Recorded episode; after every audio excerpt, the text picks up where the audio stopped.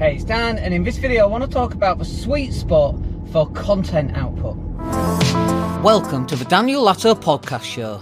Fresh content covering business, investing, marketing, money, health, and more. Hey, it's Dan. Hope you're well today. So, let's talk about the amount of content that you need to be putting out for your uh, business to get noticed in the marketplace, shall we? Uh, I think it's quite important because uh, since I got back from Bali, which is probably about coming up to about three weeks now, we've really ramped up the amount of content that we put out. And interestingly, uh, because we've ramped up the amount of content that we've put out, the number of strategy sessions we're getting is huge. Like it's it's ramped up massively. So um, just this week alone, in fact, and it's only Thursday today. Just this week alone, I think we've had like nine strategy sessions, whereas normally we get one or two uh, in a week. Uh, so it's like quadrupled, right?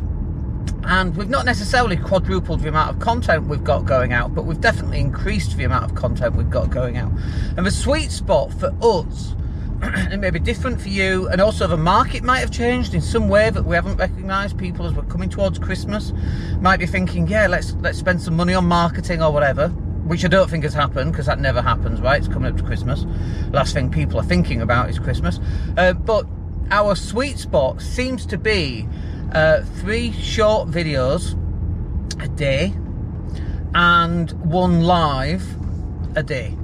So this is Monday through Friday we also post short videos out over the weekend as well because we want to maintain that presence. We don't go quiet over the weekend. What's the point in that? People are still using social media, but we definitely get less views. There's less business people using it, and so on. So the content then is one live, three shorts.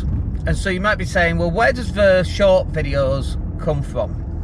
And also, by the way, it's not just uh, three live and one short. Because, uh, let me do that. Three shorts and one live because also these type of videos where I'm talking to you on the way to CrossFit we post those out as well. So that's maybe five videos a day. That sounds like a lot doesn't it? And uh, it's definitely making a difference. So uh, we do the live, we pull the shorts out of the live. We'll also do this video, we'll pull shorts out of this video, and then we schedule those ahead. It is time consuming um, it takes a lot of uh, time to pull out the shorts, to put the subtitles on, to post the videos. Uh, and then also, we're now doing that for all our clients as well. So, our clients, for example, they get an interview once a month. Sometimes it's twice a month, depending on the client, depending what's going on, and so on. They'll get a 45 minute interview, and out of that 45 minute interview, we'll be able to pull out maybe 10 to 20 different short videos. So if that's twice a month, for example, they're going to come out with 20 to 40 different shorts videos. And then any other content that they do that we can pull shorts out as well, we'll post those.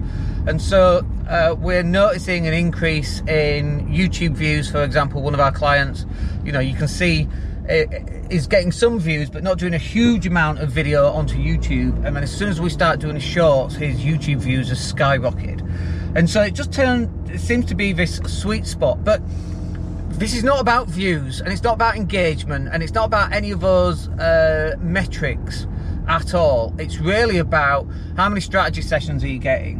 What are you closing? That's actually what it's about because that's the most important bit. Views don't pay the bills, right?